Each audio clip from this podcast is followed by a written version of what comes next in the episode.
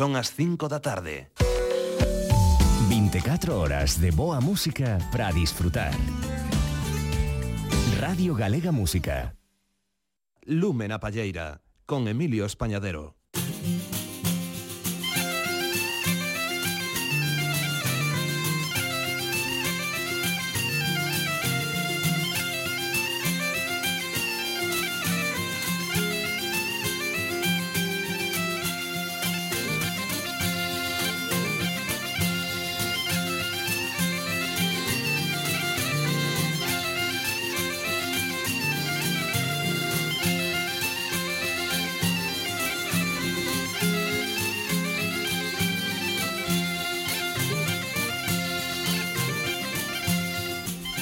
Moi boas tardes a todas e a todos os que estades a seguir estas emisións de Radio Galega Música como cada domingo ás 5 da tarde poñemos en marcha unha nova edición de Lúmena Palleira, unha edición a de hoxe na que na segunda hora do programa estará connosco o portugués José Barros. Imos falar con el desa grande trayectoria do seu proxecto musical chamado Navegante que cumpre xa 25 anos e o xeito de festexalo é coa publicación dun doble traballo discográfico que será do que despois nos fale Xosé Barros. Tamén teremos a xenda de concertos, falaremos de novas propostas que xa sabemos que estarán no Festival Internacional do Mundo Celta de Ortigueira, teremos tamén o noso recuncho da palleta, pero imos comezar musicalmente ao son dese proxecto navegante que será protagonista na segunda hora do programa de hoxe unha das pezas recollidas nese compilatorio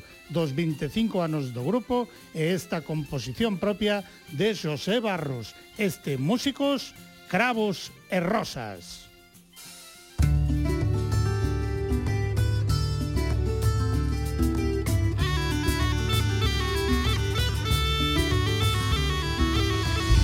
É pela música que encantas os sentidos apurados pelos sonhos mais antigos, de entender a emoção e a alegria, provocado o coração em agonia, vais levado pelo vento, pelos sons do pensamento. Bravos são livres, são bravos.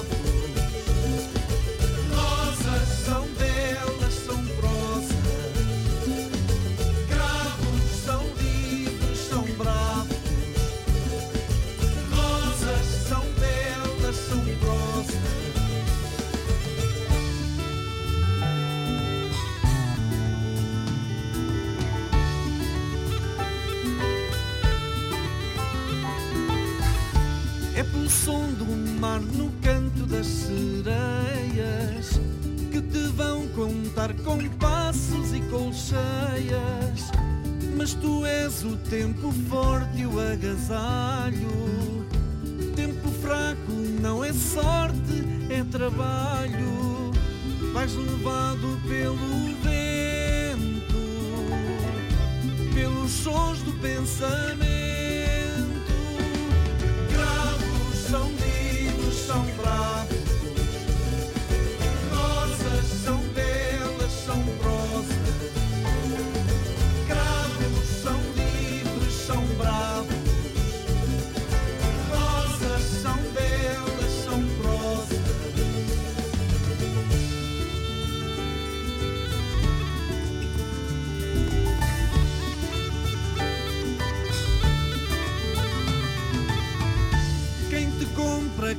Garras de encantar. Vendes alma, essa não se pode comprar. Na viagem pelos sons desta bragueza, ouço histórias de uma canção portuguesa. É uma luta contra o vento, não se vende o pensamento.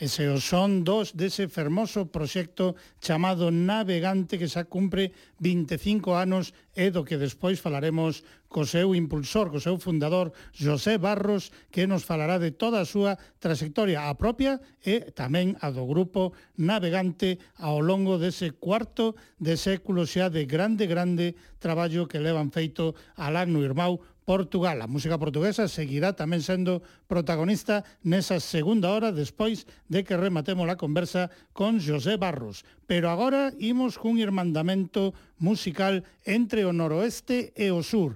Ese traballo será protagonista o vindeiro domingo aquí en Lumen a Palleira, un traballo no que se irmandan tamén os grandes talentos creativos de Rosalía e de Federico García Lorca, os talentos de Uxía e de Javier Ruibal. Os dous nos presentarán o vindeiro domingo aquí en Lumen a Palleira ese grande traballo titulado De tu casa a la mía.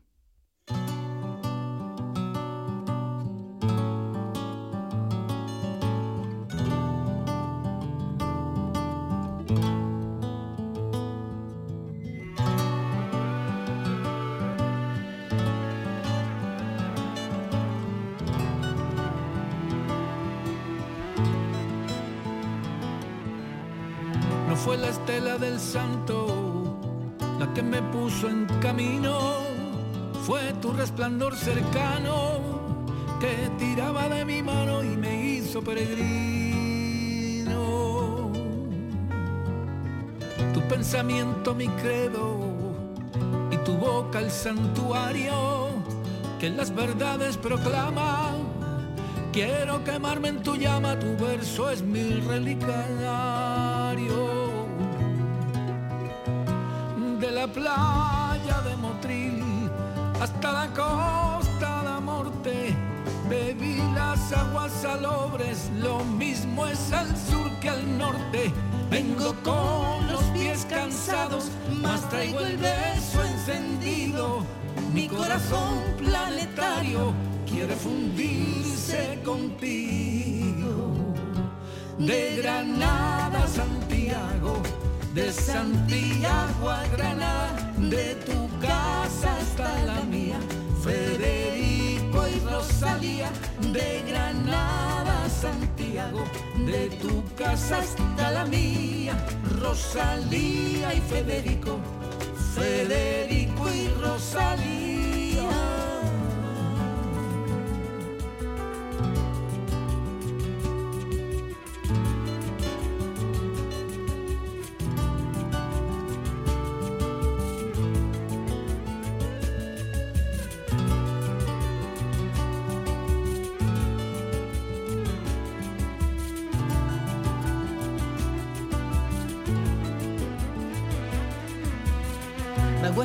flores abertas reciben o meu irmán que ven darme un abrazo as portas do pico sacro coa forza dun imán. Nesta terra escondida as paixóns van e veñen por eses mundos de Deus. Morremos con cada Deus nos sais adoracende corazón fai unha ponte para saltar sobre a nada que deja unha nova luz de Santiago a Granada. Andaluces e galegos mantente a testa moi alta e do beleta fisterra dime que máis che fai falta. De Granada a Santiago. De Santiago a Granada, de tu casa hasta la mía, Federico y Rosalía, de Granada Santiago, de tu casa hasta la mía, Rosalía y Federico, Federico y Rosalía, de Granada Santiago, de Santiago a Granada, de tu casa hasta la mía, Federico Franco y Rosalía, de Granada a Santiago, de tu casa hasta la mía.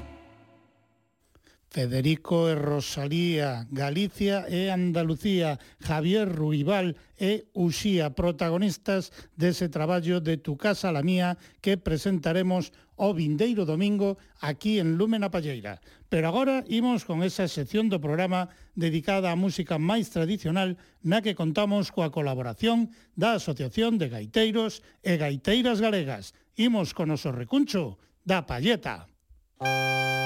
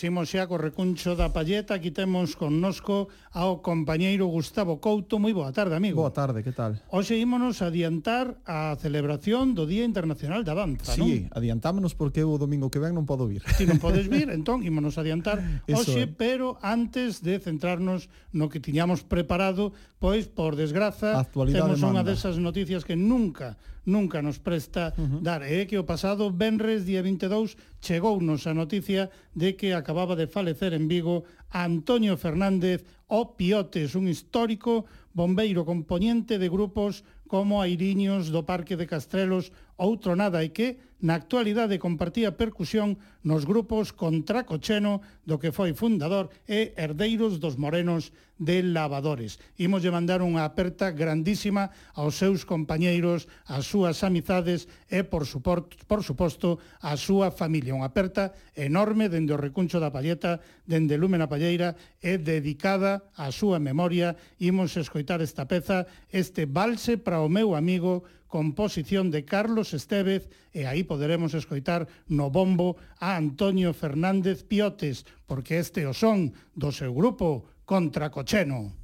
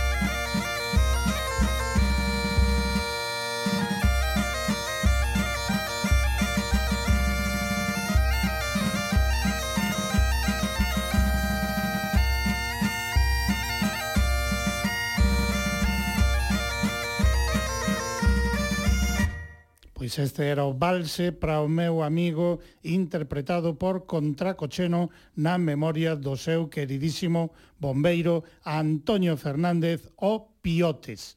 E agora, Gustavo, si, sí, comenzamos xa a festexear agora, sí. o Día Internacional da Danza, que é o vindeiro 29, non? É o día 29 e o Día Internal, Internacional da Danza celébrase, foi unha iniciativa da, da UNESCO, celébrase uh -huh. dende o 1982, é bastante recente, recente. e celébrase porque a, o día de nacemento dun, do que din que é o creador do, do ballet clásico, que é, a ver se o digo ben, Jean-Georges Nobert, Ben, ben non o dixaches mal. entón, por iso se celebra ese día e dirá a xente que terá que ver ca noso baile, ca nosa danza? Pois realmente nada. Nada, pero, pero nós, mundo, como, como se celebra o Día da Danza, tamén o celebramos. Sobre todo porque que día poderíamos poñernos para celebrar o Día do noso baile tradicional?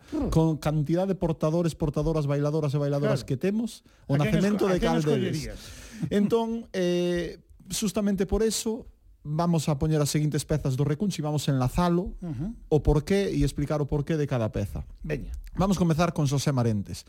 Por que Xosé Marentes é un deses gaiteirazos que se deron na Fonsagrada, onde ali todas as bailadoras e todos os bailadores improvisaban puntos, tiraban puntos pa diante. Entón, vamos a poñer esta primeira peza un pouco facendo referencia a ese baile comunal improvisado que se dá no noso país, que se dou que simplemente era un baile festivo, nada máis, pois un baile ben para mocear, ben simplemente para pasalo ben, para o tempo de lecer, para despois do traballo, para o día da festa, claro. etcétera, etcétera. Así que esta primeira peza vai, eh, digamos que para festexar, ese baile comunal que existiu sempre, uh -huh. que se perdeu aí nos anos 90 case, bueno, non se perdeu, pero sí é certo que estuvo un pouco máis estancado e despois volveuse volveuse a avivar uh -huh. outra vez e agora está máis máis vivo que nunca, así que parece baile comunal de foliadas, seráns pola vila serruadas. Comezamos Vamos con Xosé Marentes. Co gaiteiro de Eso Santa é. Con esta xota.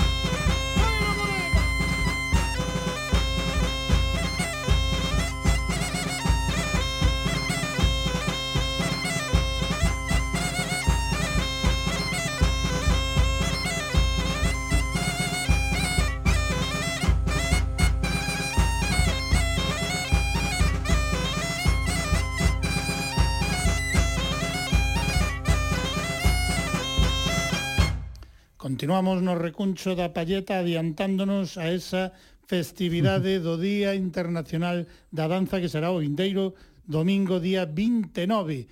E agora pasamos do gaiteiro de Santa Xuliana a unha formación histórica. Sí, pero non non damos o salto, digamos, por ser esa formación en sí. Uh -huh. Sinón damos o salto porque vimos de falar dese baile comunal, deses portadores e demais, e agora pasamos directamente a que existiu un momento no que vámonos a afastar de sección femenina e demais, eh? Sí, estou sí. falando de despois no que certas certas persoas, pois entre eles Quique Peón, Anxo Martínez, uh -huh. dixeron decidiron ir polas aldeas a, a recoller, había moita xente que iba, pero pois entre eles eh, entre moita xente eles dous, decidiron subir esos escenarios crear un espectáculo, sí. crear un espectáculo propio, decir, o noso podese subir a un escenario e vale, vale para calquer cousa, as probas están uh -huh. máis actual, máis actual claro. que nunca agora sí, mesmo. Eh, entonces decidiron facer eso, pois un en Sacarandaina, outro xa, en Brincadeira estuvo, uh -huh. despois en Cantigas e Garimos e despois eh, en Ultreia, Pois decidiron subir eso que había nas aldeas, crealo, eh, actualizalo daquela, porque daquela era algo moi actual, claro. ver filas de 10 parellas cos trases do século, digamos, representando trases do século XVIII e demais, e facendo as danzas e os bailes que lle representaron a eles nas aldeas. Entón escollimos unha peza de cantigas e garimos, porque justamente non este ano, sino o ano pasado cumpriron 100 anos, 100 o que pasa que pola pandemia e demais decidiron trasladar a celebración a este. Claro. Falábamos antes que o 22 de maio, non? 22 de maio, 22 de maio domingo. A presentación do grande espectáculo eh, Eso, eh, celebración. Retrincos, Retrincos chamase, que se non me confundo, é o que abre as festas da Ascensión en Compostela, se non me confundo, o sea, a Ascensión esa semana. no, no.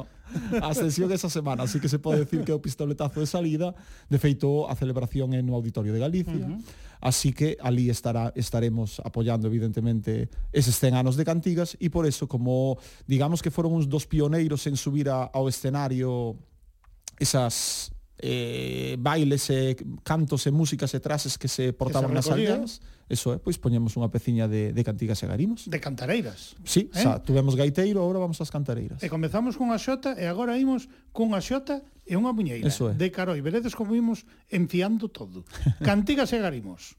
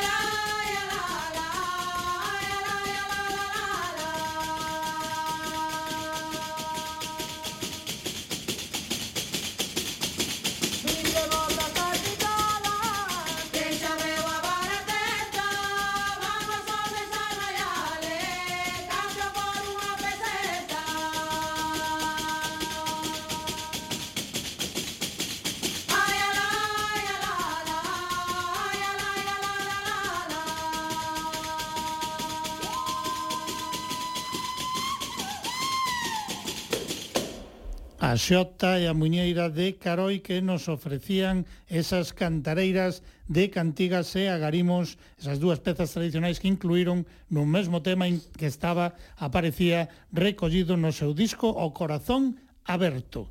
E agora, despois dunha xota e unha muñeira, Con que seguimos? Muñeira e Xota, non? Se Muñeira e Xota. Se a cousa temos que enfiala, sí. pois debería ser así, e, non? E seguimos enfiando o tema da danza a seguinte maneira. Empezamos cos portadores, fomos a cando se subeu aos escenarios e despois chegou un momento en que volveu a... Eh, compasinouse todo, o dos escenarios, con bailar, pois, a...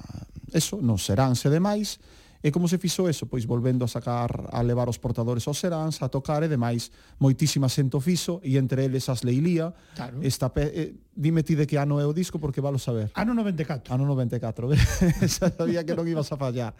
De feito, o disco eh, chamase Leilía tamén, non? Conste que xa antes sacaran unha casete sí, sí, sí, sí. no ano 92, pero, pero este, digamos, é o primeiro traballo discográfico é. publicado en CD das Leilía, no 94. E neste disco elas eh, creo que pechan o disco, ademais creo que é a última peza do disco, non estou seguro, pero creo que sí, aí sí que te pillo, aí eh. Aí xa me eh. pillas na orde, eh, ti tamén. Pero Va, creo que sí, creo que sí. E entras a matar, eh. E cantan, levan a cantar con elas a Herminda Miramontes, que sí. é unha informante de, de Grisó, daqui de Compostela, que pola súa casa pasaron multitude de xente a recollerlle bailes e, e cantos, e con ela cantan esta muñeira e no disco pon Xota de Soutelo de Montes aínda que a cantaba ela aquí en Grisoa, ela decía que aprendera dunha xente que fora facer a, a igrexa de Grisoa uns canteiros, e de onde eran afamados os canteiros, pois de Soutelo uh -huh. de Montes. Claro. Entón, aí cantan, de feito, hai unha copla que é preciosa, esa de cando saín de Soutelo, os meus ollos eran fontes, adiós Monte de Soutelo, adiós Soutelo de Montes.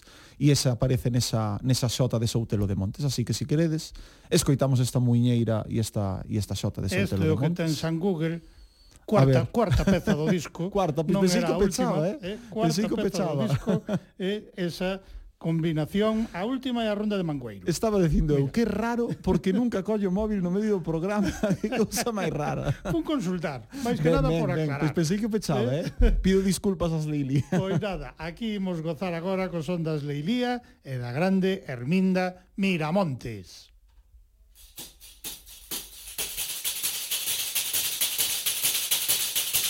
Unha boa cantadora teño hai par de mí Se me preguntan por ela direille que non a vin Ai la la la la la Ai la la la la la la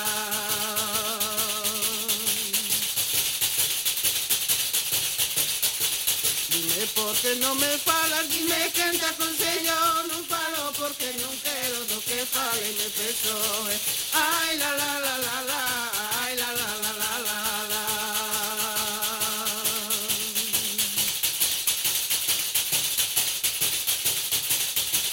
Taqui onda mi, llega taqui onda mi, que te quiero preguntar en qué te aborrecí. Ay, la, la, la, la, la, ay, la, la, la, la, la, la.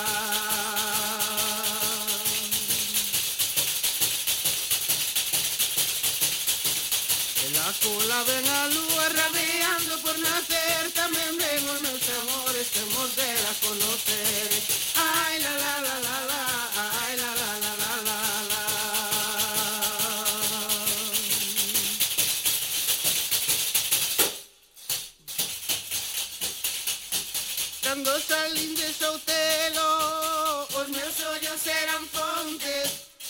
Adiós monte de Soutelo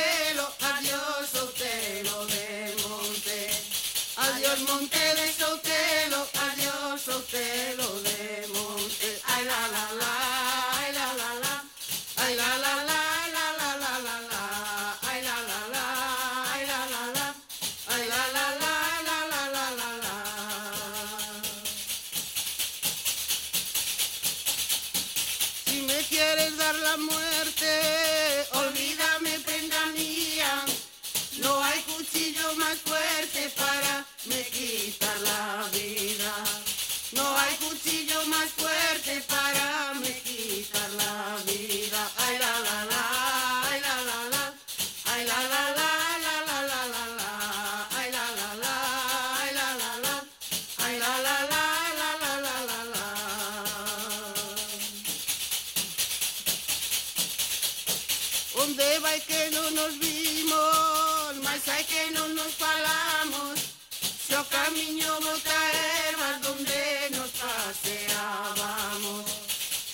In your heart.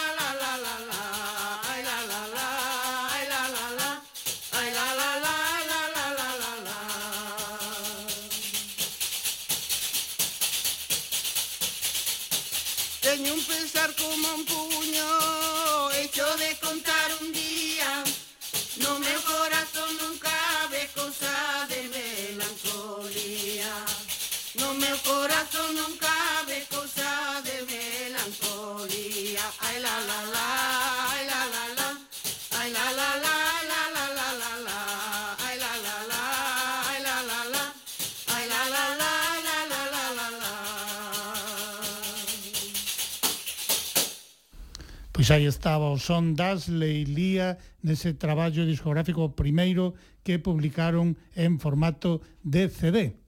E agora para o peche Pois vamos a pechar Temos outra cousa especial Si, sí, eh, falamos de como foi mudando o, as vertentes da, do noso baile tradicional, uh -huh. digamos, non? Primeiro portadores, despois xa falamos de, de grupos folclóricos, de grupos de baile e demais. E agora, xa, xa moitas veces existiron algunhas eh, compañías de, de danza que se basaban a súa danza no tradicional, de feito eh, Nova Galega de Danza pois uh -huh. é unha compañía que leva moitos anos traballando e bebe do, do, do mundo tradicional pero bueno, digamos que nos últimos anos está collendo moitísima forza está tendo moitísimo éxito, pois Fran Sieira que tuvemos aquí sí, señor. eh, presentando un dos seus espectáculos onte estuveron en Carballo justamente con, con esa produción de Demente o celebrando de Mente. o Día da Danza para a xente que queira velos estarán o 28 ou 29 de abril un dos días teñen as entradas esgotadas e no outro faltan pouquísimas para vender, así que quen queira velos en Vigo que aproveite. Uh -huh. Pero bueno, pechamos con eles para e foi un percorrido, digamos, de como a nosa danza se sabe adaptar absolutamente a todo, uh -huh. absolutamente a todo, e agora deixo aí a ver a eh, según o nacemento de quen se pode celebrar o día da nosa da, da nosa galega. danza ou baile tradicional si dos, de algún portador, si de algún dos que subeu a nosa danza por primeira vez a, ao, ao escenario ou dos que as están subindo agora. Aí queda. A ver, aí queda ese chamamento. Eso, eso, eh. Que pode ser moi interesante, tamén eso, pode ter certo perigo. Home, eso como seguro. Todos, como todos estes compromisos. Debate seguro. Pero ben, dicía eu que íamos enfiando todo porque comezamos con Xota, uh -huh. despois seguiu Xota Muñeira, despois Muñeira Xota, E, home, para o peche, se a primeira foi unha xota, agora que sexen unhas moliñeiras. Evidentemente. Non? Pois as moliñeiras do Adem, Pozo... Ademais de gaiteirazo, pecha, claro. abrimos con gaiteirazo, pechamos con gaiteirazo... Sí, señor. Mellor imposible. Peza tamén incluída nese espectáculo de mente de Fran Sieira, compañía de danza, con, ile, con eles pechamos por hoxe o recuncho da palleta. Moitas grazas, Gustavo. Nada, a vos, como sempre. Veña, imos coa peza.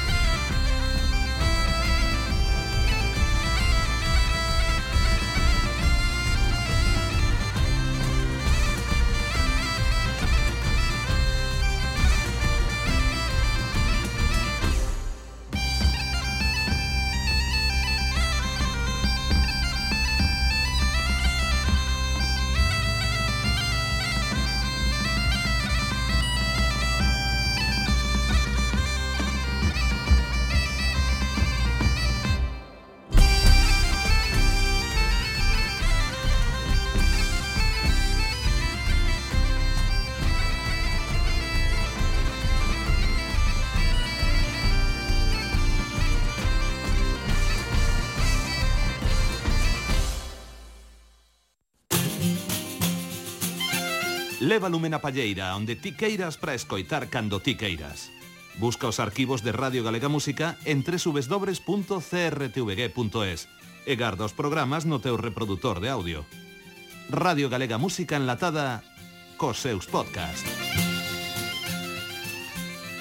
E agora, tal como anunciábamos, imos xa coas novas confirmacións para o Festival Internacional do Mundo Celta de Ortigueira. Lembrade, entre o 10 e o 17 de xullo temos novas confirmacións e ímonos situar en primeiro lugar no xoves día 14, porque sobre o escenario de Ortigueira estará un grupo que naceu no seo da propia Escola de Gaitas da Vila. Falamos de Cobagueira.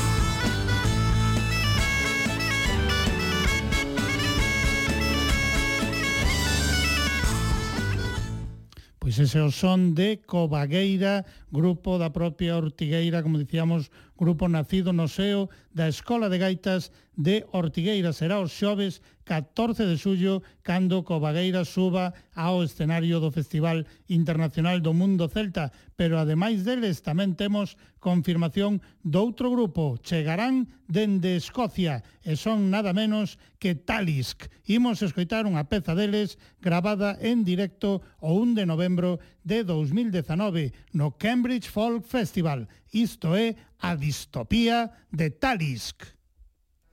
Thank you.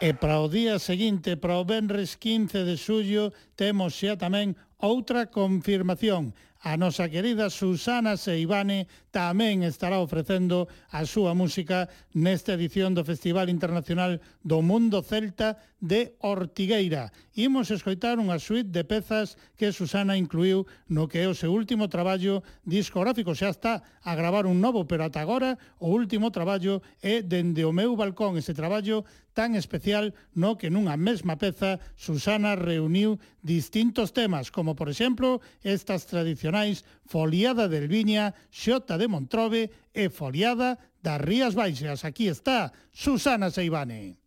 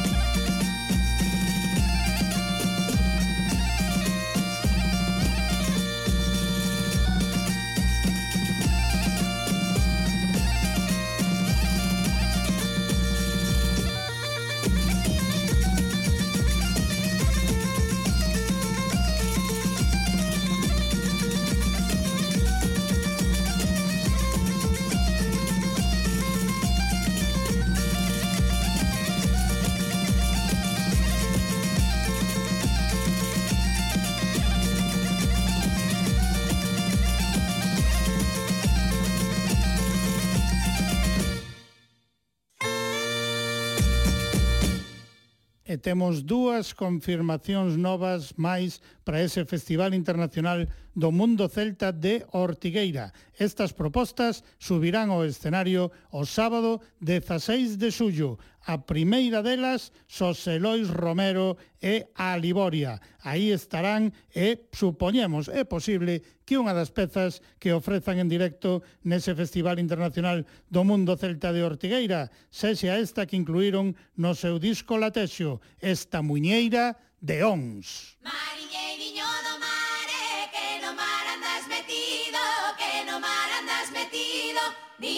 metidos catro ventos, cale o máis atrevido, divertidos catro ventos, cale o máis atrevido.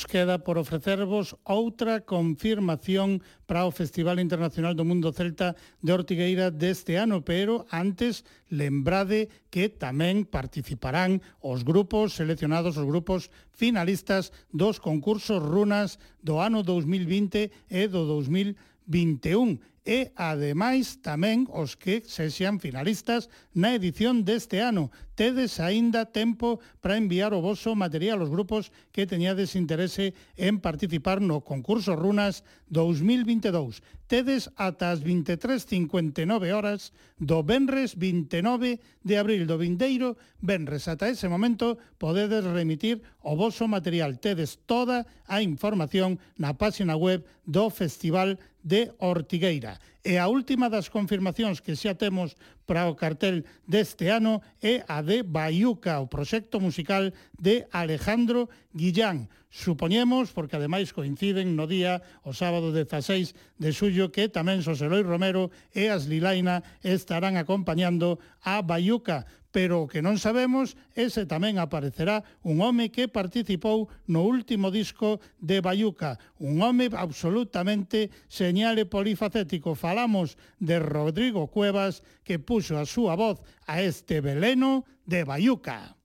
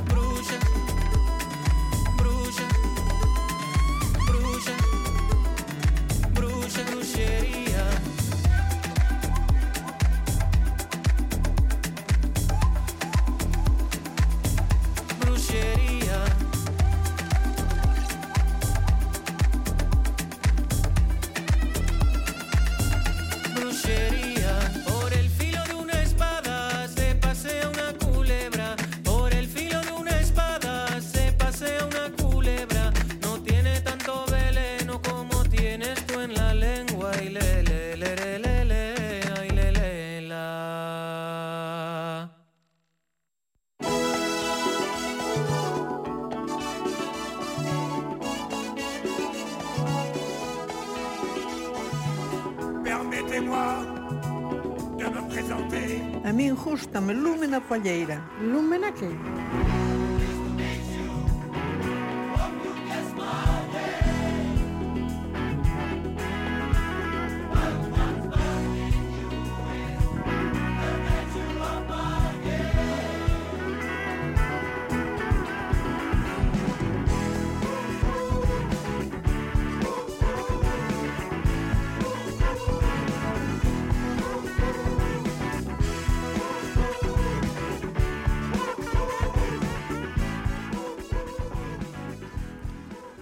Agora en Lume na Palleira, tal como tiñamos anunciado, imos presentar ese grande traballo compilatorio que festexa os 25 anos do proxecto musical Navegante, ese doble traballo que xa abriu musicalmente o programa, pero que agora nos vai presentar José Barros. Pero antes de falar con el, imos coa peza que dá título a este grande grupo. Imos con Navegante. Navegante.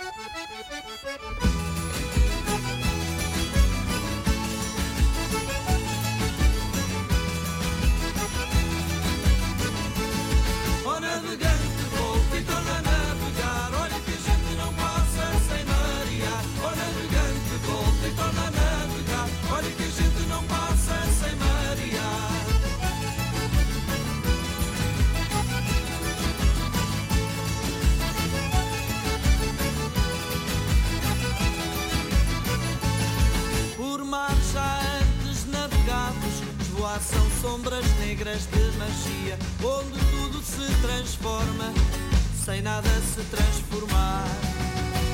Vão dizendo ao mundo que há de um dia ser diferente, mas quem diz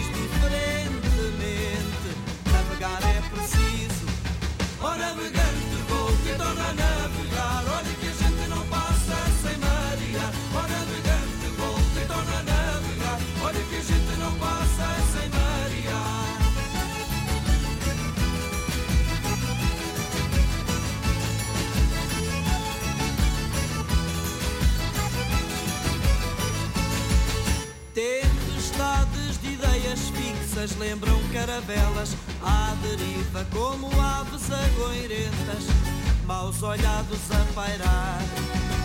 Vão dizendo ao mundo que há de um dia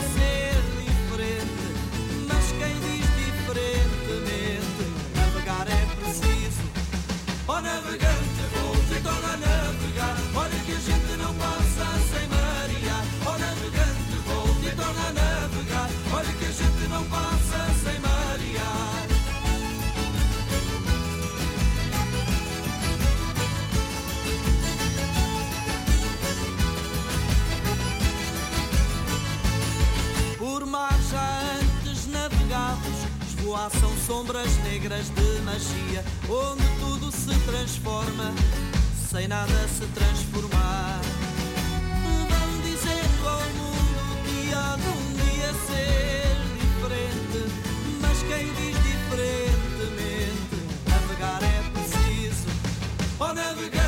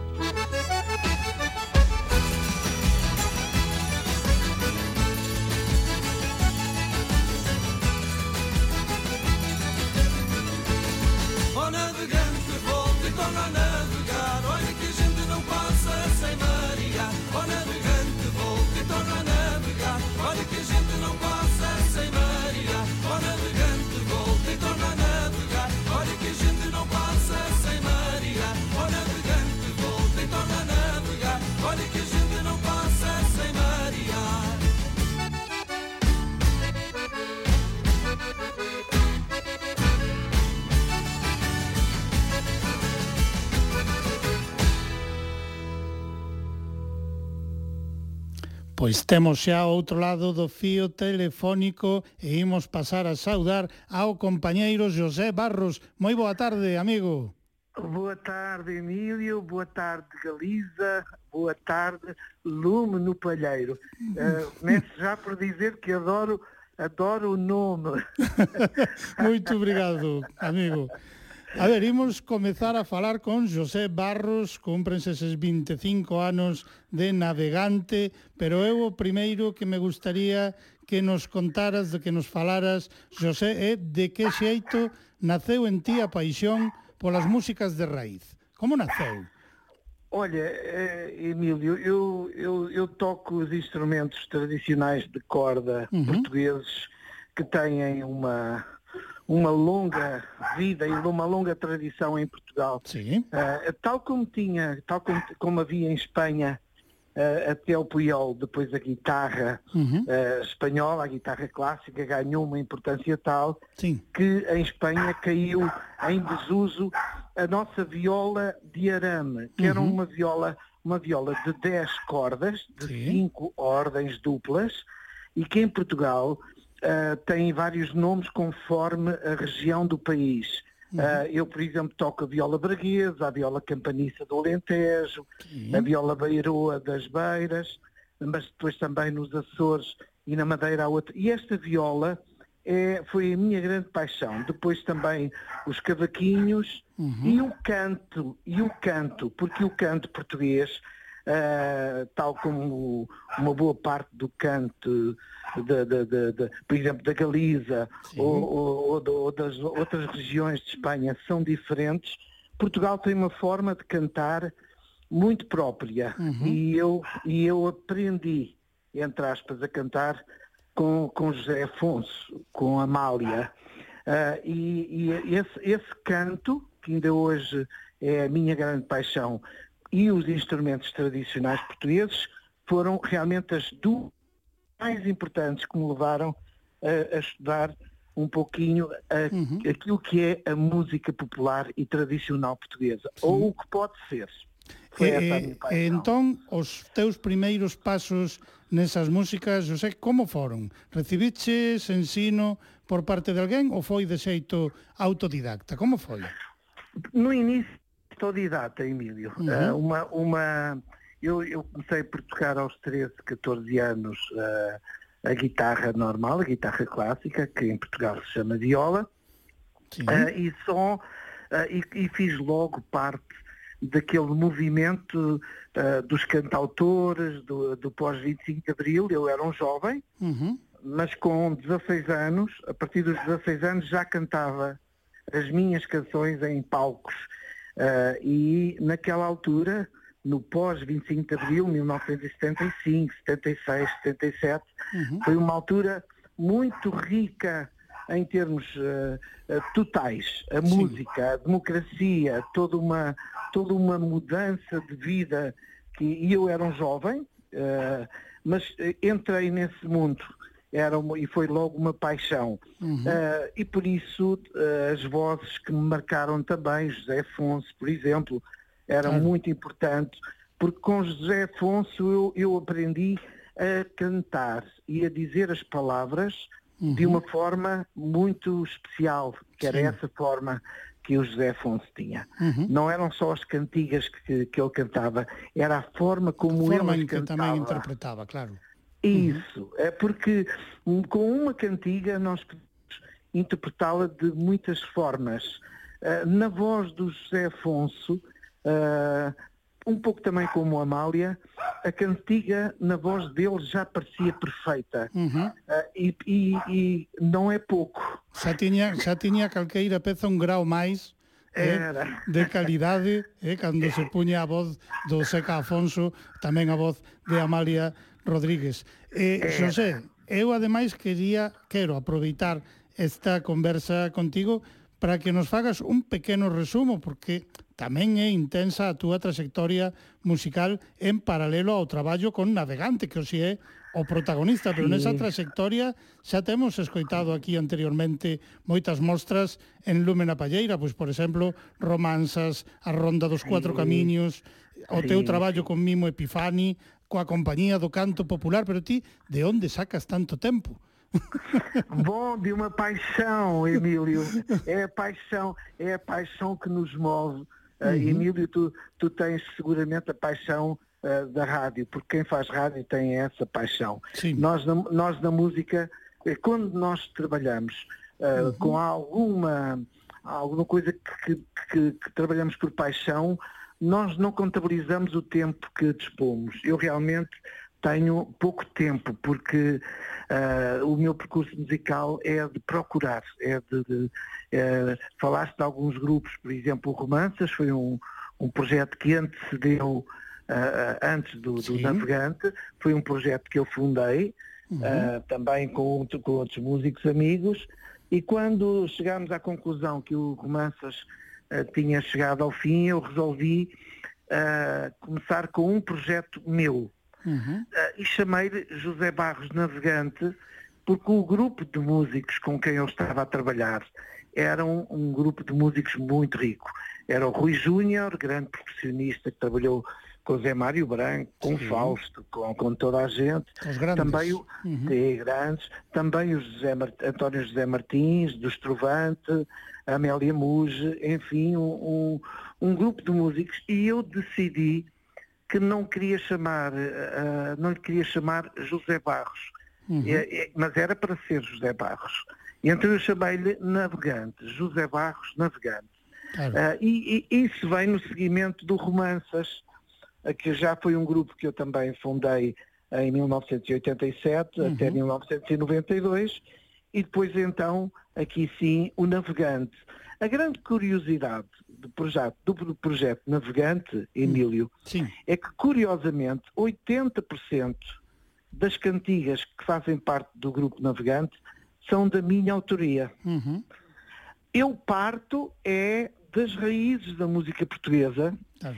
e isso muitas vezes faz com que muita gente pense que é música tradicional portuguesa que o José Uhum. Barros canta, mas são originais, porque a minha, eh, o meu mergulho, a minha entrada na música tradicional foi sempre para tirar o mais possível eh, aquilo que eram as raízes para depois eu poder fazer as minhas coisas, porque eu sou Uhum. cantor, mas também sou compositor Claro. e sou músico. E portanto tudo isto é um percurso que me dá ah, asas para voar em todos estes projetos. Falaste ainda há pouco de, de- de vários projetos Sim. e não falaste e não falaste um que vais de novo ouvir falar e que eu prometo que enviarei logo que o disco saia, Uhum. enviarei para, para o Lume na Palheira, Sim. que é, que é os Quatro ao Sul. Ah, amigo. Os Quatro ao Sul é um projeto que, que sou eu, o Rui Vaz e o Zé David dos Gaiteiros de Lisboa Sim. E, e o Pedro Mestre, que é um grande músico também da viola campaniça no Alentejo. E é um grupo de quatro vozes em que se privilegia apenas e só as vozes. Eh, Foi prémio José Afonso, mas só gravámos um disco em 2012 e agora estamos a gravar outro disco que eu prometo que faço chegar ao Lume na Palheira. Xa E, portanto, estamos, xa estamos inquedos por recibir ese traballo e poder escoitalo. Fica combinado, e mesmo que assim que seja pronto eu enviarei. Muito enviarei. bem. Pois os 25 anos que se festexan coa edición deste traballo que hoxe presentamos en Lume na Palleira son en realidade, Xosé, os que pasaron dende a publicación, creo, do primeiro disco de Navegante, porque a historia xa comezara un pouco antes, non uns anos antes. Sim, por exemplo, com o navegante, uh, o primeiro disco saiu em 94, Exacto. no final de 94, ah, com o final do, do, do Romanças, e o- a minha grande pena é que eu com o Romanças ah, fizemos muitíssimos concertos na Galiza, e com o, navega no- com o Navegante. E, infelizmente não fiz tantos quanto gostaria. Claro. Ah, e, e eu fiz um, ainda há pouquinho, há pouco colocaste a música O Navegante, que é a, a letra e a música é minha. Ah, e eu chamaria também a atenção para um tema que- de que eu gosto muito e que passou um pouco despercebido. ah, na Galiza sei que não passou despercebido, Uhum. porque, porque eu fui ao Lar na Lubre e, e o ah, como é que se chama o apresentador do Lar na Lubre? O, Vieito. Esse, ele, ele fez-me uma. Eu, eu gravei um tema, uma cantiga, Uhum. num disco em 2008 que se chama Cantar de Amigo e Sim. que está e que está no disco 2 Uhum. da- desta compilação. Esse Cantar de Amigo é letra e música minha dedicada à Galiza. Uhum. É um tema de que eu gosto muito.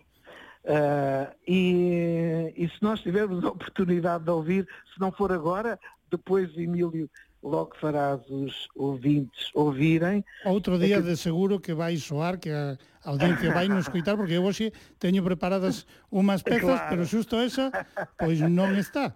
Eh? Ah, Pero mas- prometo, eh, comprometo, me dou a miña palabra de que outro día escoitaremos esa peza eh, tan relacionada coa Galiza e que ti te, de Eh. seguro incluíches con moitísimo amor, con moitísimo cariño. Sim, o meu carinho, o meu carinho pela Galiza já vem dos anos 80, Uhum. quando eu percorria uma boa parte da Galiza, ia a Vigo visitar à universidade o trabalho fabuloso que estava a ser feito de, de- de construção, de, de- análise na universidade, um Uhum. trabalho notável do, do Corral, e, e- e- e eu, é, todo este caminho entre Portugal e a Galiza é, um- é sempre foi uma grande paixão.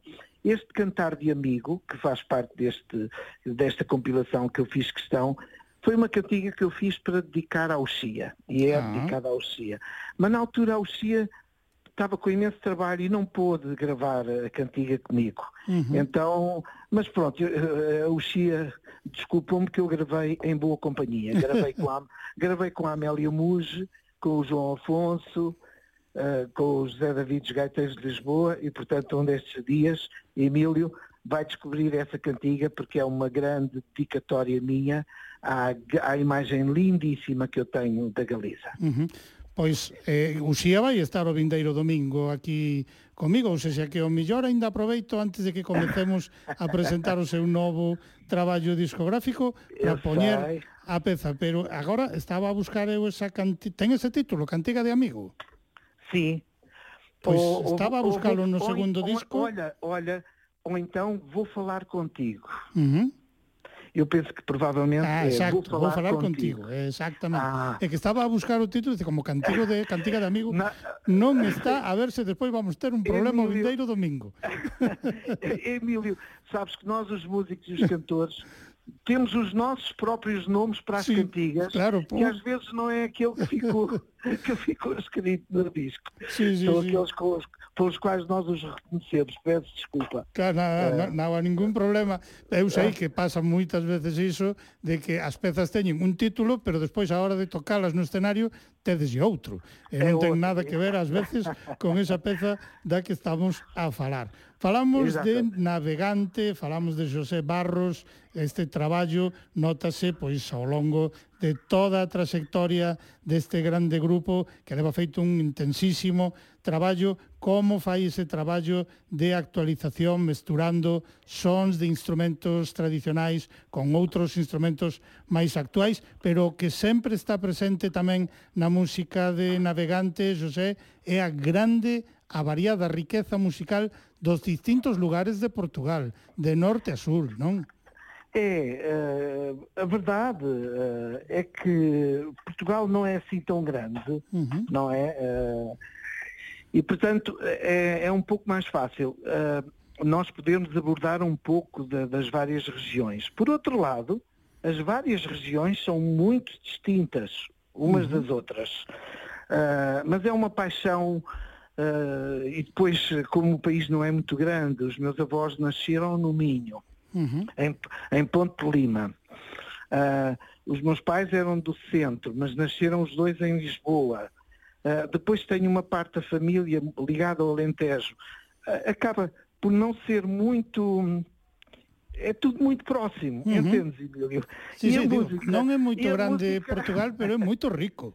É, É muito e é, variado. E é, e é muito variado. Uhum. É, é é uma riqueza ótima para quem toca e canta poder. Depois ainda temos os Açores e a Madeira, coisas diferentes a fazerem um, um trabalho também notável. É, um- é uma paixão. Uhum. Quando nós gostamos, quando nós gostamos, vamos facilmente à procura e descobrimos aquilo que, que, que- que nós gostamos muito de uma forma apaixonada. É essa a minha forma de ver a música portuguesa Uhum. de uma forma geral. Pois agora, Xosé, imos escoitar outra peza que eu teño escollida para agora que de seguro que a audiencia de Lumen a Palleira, xente que nos está a escoitar, van recoñecer e que tamén está no repertorio de Navegante e falamos nada menos que do cego andante. Ah, Esa pois peza coñecémola ben aquí. Ah, eu sei que sim, e devo dizer com toda a humildade que em Portugal este cego andante faz parte, tal como os romances todos, Emílio, de uma Sim. forma geral, eram muito ibéricos. Ah, ah, Perde-se no tempo saber exatamente se os romances tradicionais. Eu estudei, eu fiz um disco que se chamou Rimances Sim. e, e gravei 15. Desses 15 rimances, desses 15 romances, Uhum. a que eu chamei rimances, Sim. cada romance tinha 10, 15, 20 ah, ah, palavras diferentes, Uhum.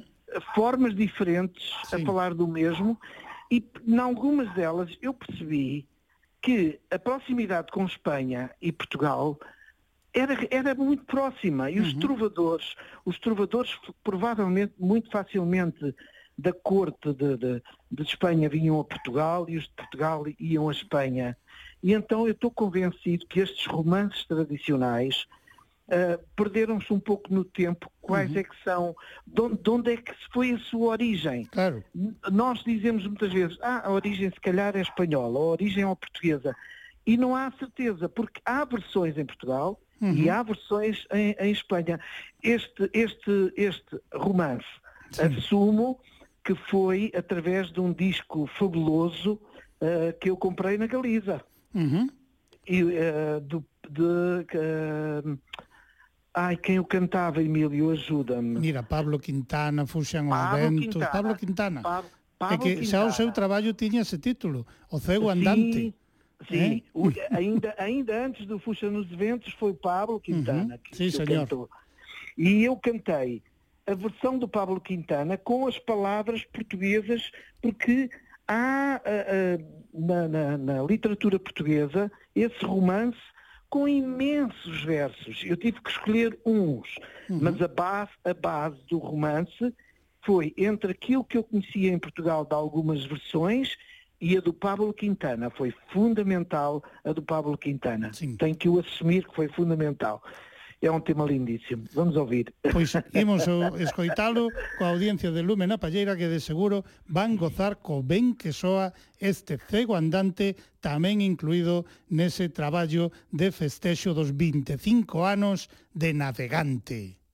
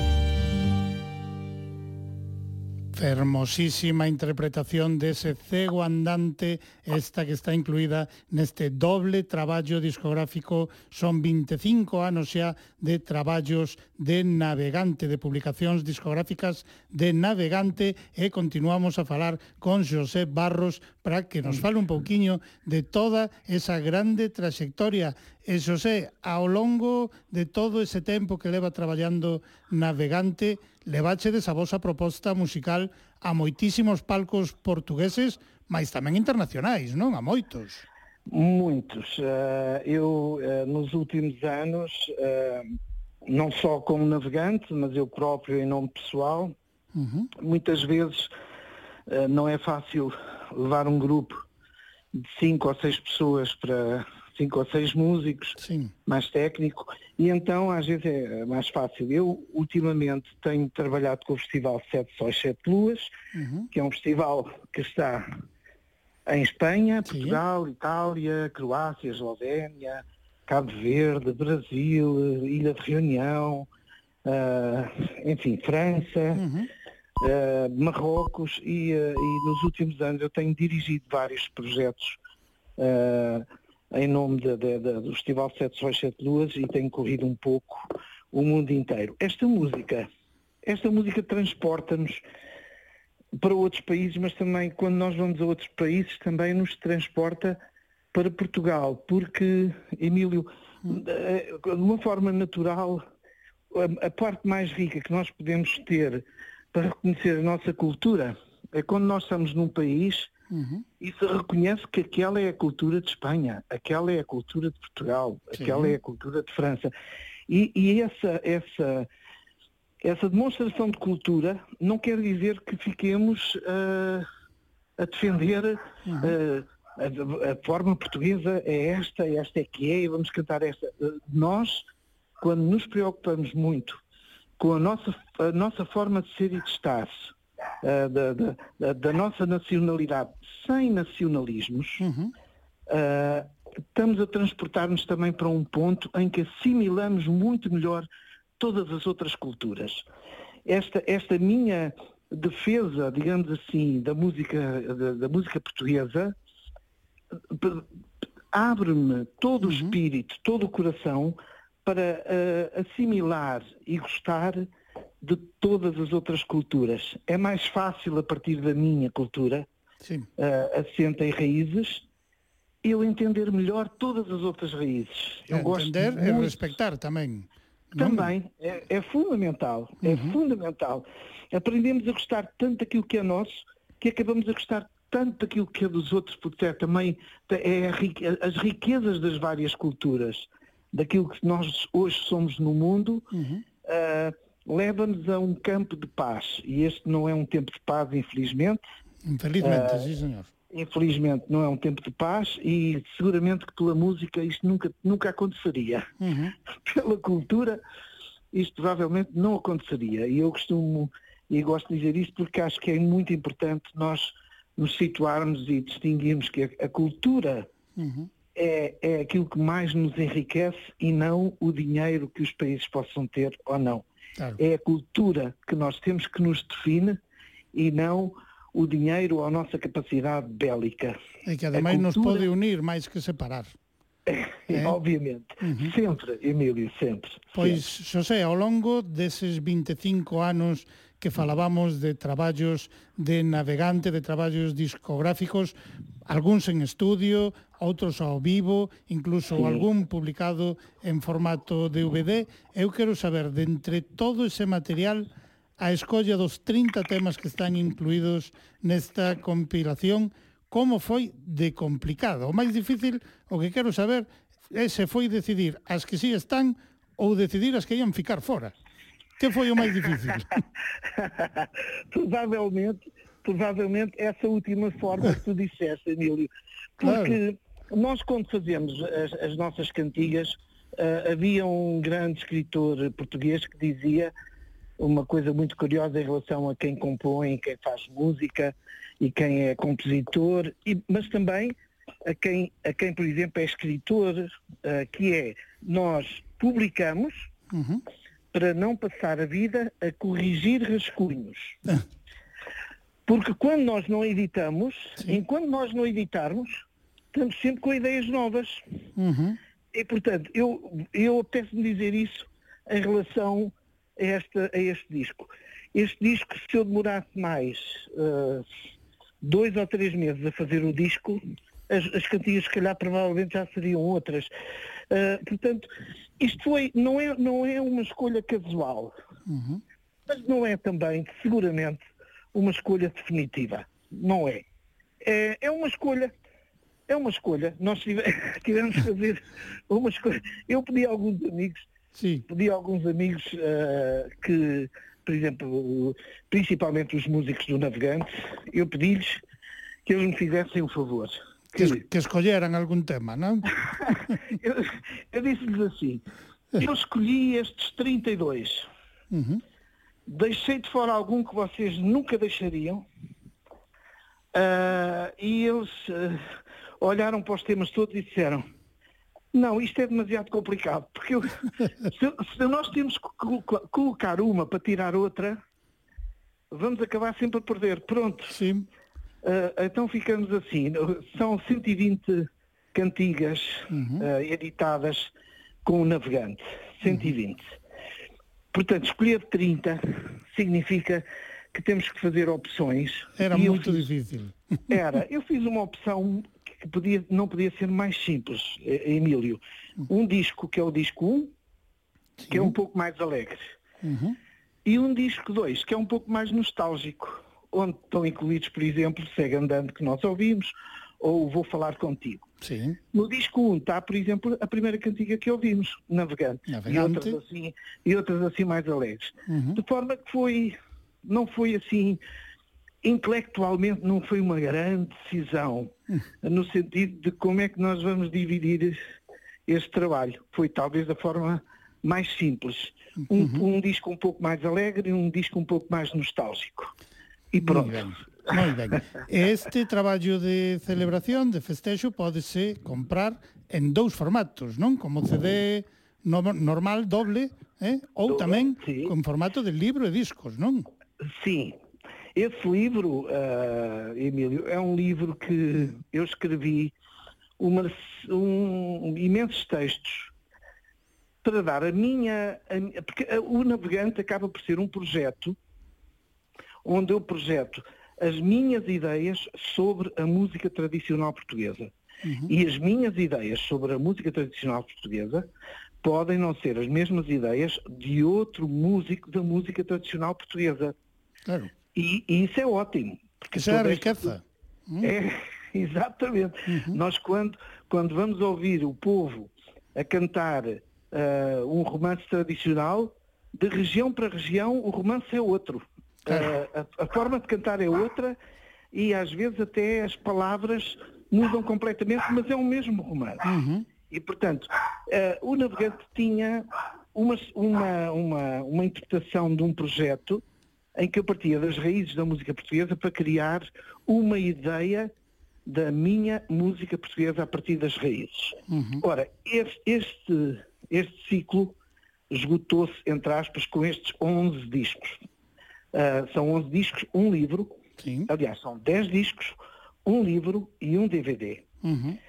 Pronto, e, e, e eu encerrar um ciclo. Mas os textos que estão neste livro, de certa forma, eu escrevi imensos textos para explicar porque é que eu criei o projeto Navegante e assente no que é cultura, no que é globalização.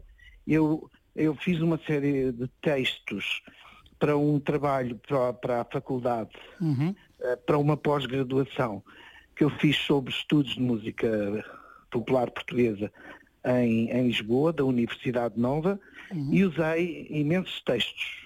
E, entretanto, falei também de uma outra coisa muito importante, eh, que é a história de um projeto de música portuguesa na indústria musical portuguesa independente, Uhum. em Portugal, no final do século XX e na viragem para o século XXI. Porque realmente nestes, destas 12 edições eu tenho apenas quatro, quatro eh, editoras. O resto é um trabalho independente. Claro. Por- Porque em Portugal há imensa dificuldade para conseguir uma editora que edite os nossos discos. Uh, nesse aspecto, o facto de sermos um país pequeno pesa negativamente, Emílio. Ou seja, não há... Na Galiza, grande- na Galiza xa hai moitos anos que xa nos autoeditamos case todo, eh, tamén. É, é igual, é igual. Case todo aquí é autoeditado, eh, por, É, por é. tamén hai que tratar de recuperar un pouquiño pois eses cartos, eses diñeiros que hai que poñer por diante para facer eh... estas publicacións. Entón, Xosé, a mellor maneira, a mellor canle para que as persoas que nos están a escoitar compren este tra traballo en calquera dos seus formatos, cal sería, José? Olha, eu penso que o ideal seria entrar uh, a sons vadios uhum. Que, que eu penso que Emílio sabes, é dirigida para- pela Sara Vidal. Unha boa amiga como é Sara Vidal. Ah, eu penso que é uma- o melhor veículo para comprar todos os discos do Navegante neste momento. Uhum. Sons Vadios e o livro está à venda na Sons Vadios, os discos também, ah, o DVD também, e portanto, Sons Vadios, Sara Vidal e temos o projeto Navegante disponível para quem tiver vontade de, de me ouvir e de, de, ver e escutar um trabalho ao longo do que foram 25 anos. Uhum. Foram bastantes. Pois sim, é de grande, grande traballo, polo que vos temos que dar tamén os parabéns. Xa houve presentación ao vivo deste traballo, a primeira presentación xa foi o 18 de febreiro en Sintra, sí. Que para ti xa é, como dicimos aquí, xogar na casa, non? É, sim, é verdade. Eu- este, este espaço em Sintra já é o meu espaço, não é o espaço onde eu nasci, porque eu nasci em Lisboa, mas vim com dois anos para Sintra e Sintra é a minha casa desde há muitos anos. E, é sempre, e foi bom, foi bom porque até porque a Câmara, o município de Sintra, me tinha dito que gostava que eu fizesse o- a apresentação do disco em, em, em Sintra e a apresentação do livro em Sintra. E assim foi. Ontem estivemos eh, no norte, estivemos em Alijó, que é atrás dos montes, Portugal. Uhum. Ah, não vamos estar também ah, agora em Lisboa no dia 1 de maio. No, dia, no dia 15 de maio vamos também estar em concerto no país, no Cartacho. Depois ah, lá vou eu para a Itália em maio. Depois em junho, em junho estarei por cá porque vamos eh, trabalhar imenso no disco dos Quatro ao Sul, mas em julho irei de novo para Marrocos, França, Espanha, Itália, eh, Espanha mais no sul, infelizmente, lá, lá voltamos nós. Pois hai que vir ao minha- norte, hai que vir Irmá Ah, Galiza. As minhas saudades de ir à Galiza, Emílio, eh, fico sempre muito triste de, de não ir tantas vezes. É que eu com o Romanças, Uhum. com o grupo Romanças, nós chegámos a tocar nos mesmos palcos com os Milhadouro, com os Sim. Chieftains, com um jovem, um Uhum. muito jovem gaiteiro, Carlos Nunes. Carlos sí. É, é, na altura ainda me lembro de ir à, à, à Universidade de Vigo e vê-lo a tocar com 11, 12 anos e já era um, já era um grande. Eh, e, e nessa altura com romanças nós tocámos tanto em, na Galiza. Infelizmente com o navegante não tenho tocado tanto como gostaria. E... Pois, pois ten que Pois. trocar, así que Dende aquí un que- chamamento aos programadores e programadoras de festivais, de concertos. Aquí tedes esta fermosísima proposta 25 anos dese proxecto musical que puxo en marcha José Barros 25 anos de navegante con esa publicación del libro doble CD compilatorio e dende logo pode ser unha ocasión maravillosa calqueira dos nosos festivais para chamar a José Barros eh, para que veña aquí a Galiza mm. e poda presentar este traballo. Nesa presentación, ademais, José, xa falábamos Sí. de Sara Vidal, estivo como convidada, pero tamén contaches con outras colaboracións moi especiais, non? Sim, sim, sempre com o- bem, o José Manuel David e o, e o, o José Manuel David dos Gaiteiros de Lisboa Gaiteiros e o Rui Vaz. sim. Sim, o Rui Vaz e o José Manuel David são amigos de há muitos, Uhum. muitos anos eh, e fazem sempre parte. O Rui Júnior também. Ah, desta vez a Amélia Mujo não, nem o João Afonso, mas fizeram parte de, de outros convites e ao longo, ao longo do, do, do tempo são muitos os amigos que têm estado connosco. Eu convidei este- esta ideia da companhia de canto popular. Eu, por exemplo, a companhia do canto popular, eu penso que era um super grupo Uhum. para ir à Galiza. Emílio, Claro se, não, sim. se não tens o disco, pede por favor à Sara. Nada, porque- xa, xa foi presentado a compañía do canto popular, porque sempre estamos moi atentos, sempre para nós sodes irmãos, non sodes viciños, sodes irmãos os portugueses e as portuguesas, e sempre que temos ocasión a música do vosso país está presente en Lume na Palleira, tanto en presentacións como esta, como en escolmas que facemos en especiais dedicados á música de Portugal. Ese traballo, eh. por suposto, foi presentado e teremos que ah. presentar ese outro que nos tes prometido, eh? É, e, e- e- e, Emílio, eh, tal como a, a Galiza está sempre atenta ao movimento musical cultural português, também nós eh, que trabalhamos nesta área estamos tão atentos à Galiza e somos amantes da Galiza há tantos anos. Eu sei, desde o Rui Vaz até o Zé David, com quem eu ia já Uhum. nos anos 80 para a Galiza, Sim. somos muito atentos a tudo o que, o que se vai fazendo. Isso é, é que nos torna próximos. É esta, não, é- não uma, uma necessidade ah, de obrigação, mas, mas um gosto, pelo gosto. Não é pela obrigação, é pelo gosto. Uhum. Eu, Sim, senhor. eu sinto um gosto profundo por tudo o que é feito na Galiza e, portanto, para mim, sempre que é preciso falar um pouco da Galiza, para mim é estar em casa. E é, para é nós, para nós sempre é un gosto tamén poder gozar da música de Portugal hoxe coa música de Navegante con esta conversa contigo, compañeiro. Moito, moito obrigado, un grande abrazo e parabéns por eses grandes anos de bo, bo traballo. Eh? Muito obrigado, Emílio. Eu mando de, de Sintra um grande, grande abraço a todos os amigos músicos eh, galegos, a ti, Emílio, ao Lume na Palheira, mais uma vez o nome que eu adoro. Gostas dele? Eh, gosto, gosto, porque nós precisamos de, de- de nomes assim assertivos, que, que Uhum. é- é- a objetividade e a assertividade é profunda, é o que está mesmo quente, que está a a fervilhar.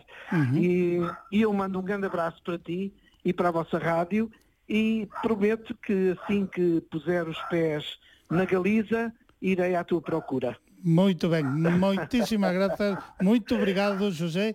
Teño escollida unha peza para pechar esta conversa que é do disco 1. Busquei tamén unha peza alegre para pechar unha composición túa, nada menos que Salsa Verde. Eu creo que nos ah. podemos despedir eh, cunha grande festa musical, non?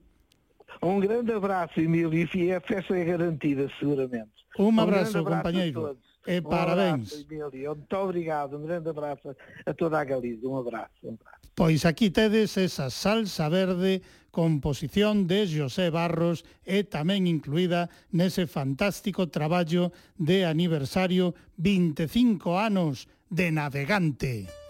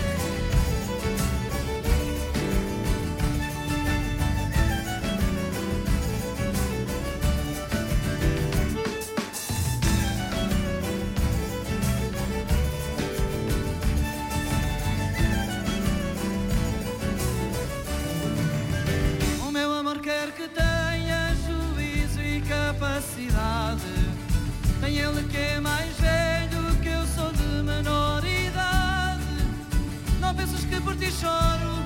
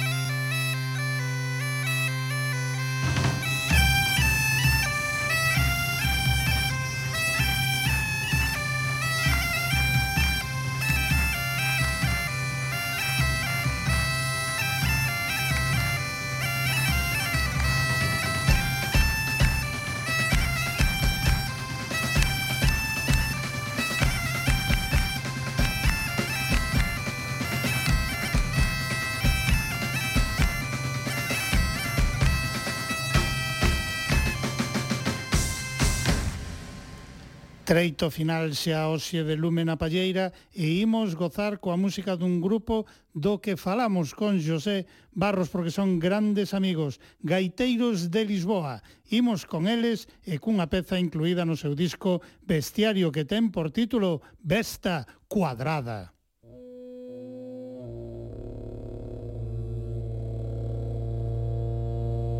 Era uma vez um aldrabão, fazedor de vilezas e canalheira até mais não.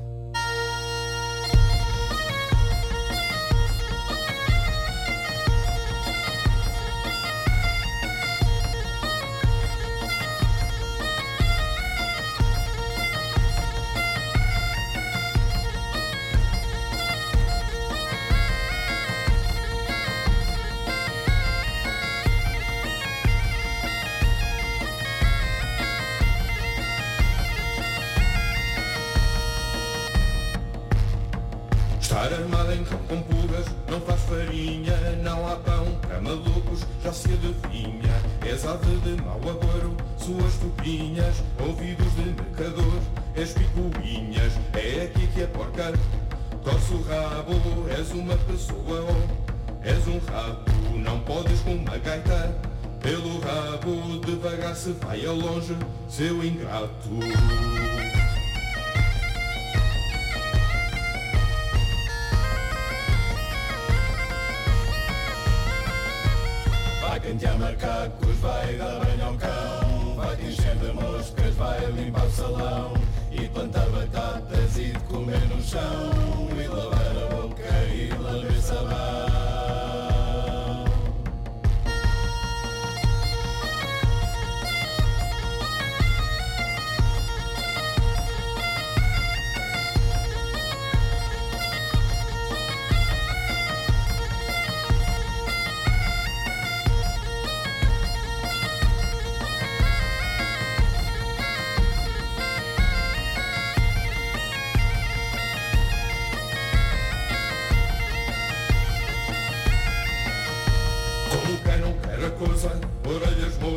Salvar honra do convento. Neste momento. Fazer castelos no ar, toca apanhar, fugir com rabo a seringa, é de ginga, és abaixo de pulga, pulga de cão, estou a entregar bicharada, até mais cão, contra tudo e contra todos, vida de cão, como manda o figurino, comer no chão. Vai cantear macacos, vai dar banho ao cão que encher de moscas, vai limpar o salão e plantar batatas e de comer no chão. Lúmena Palleira é norma habitual non cortar as pezas, pero neste caso hai un motivo especial que nos leva a rebaixar un poquinho o tempo desta peza dos gaiteiros de Lisboa, Por qué? Porque mañá é 25 de abril e é xa tradición en Lúmena Palleira que unha peza en concreto soe ao comezo ou ao final cando nos estamos achegando a esa data. Neste caso, imos escoitar esa peza que de seguro moitas e moitos xa está desagardando na grabación que se fixo o 29 de xaneiro de 1983 no Coliseu dos Recreios de Lisboa, Xosé Afonso e Grándola Vila Morena en directo, 25 de abril, sempre. Grándola de la morena,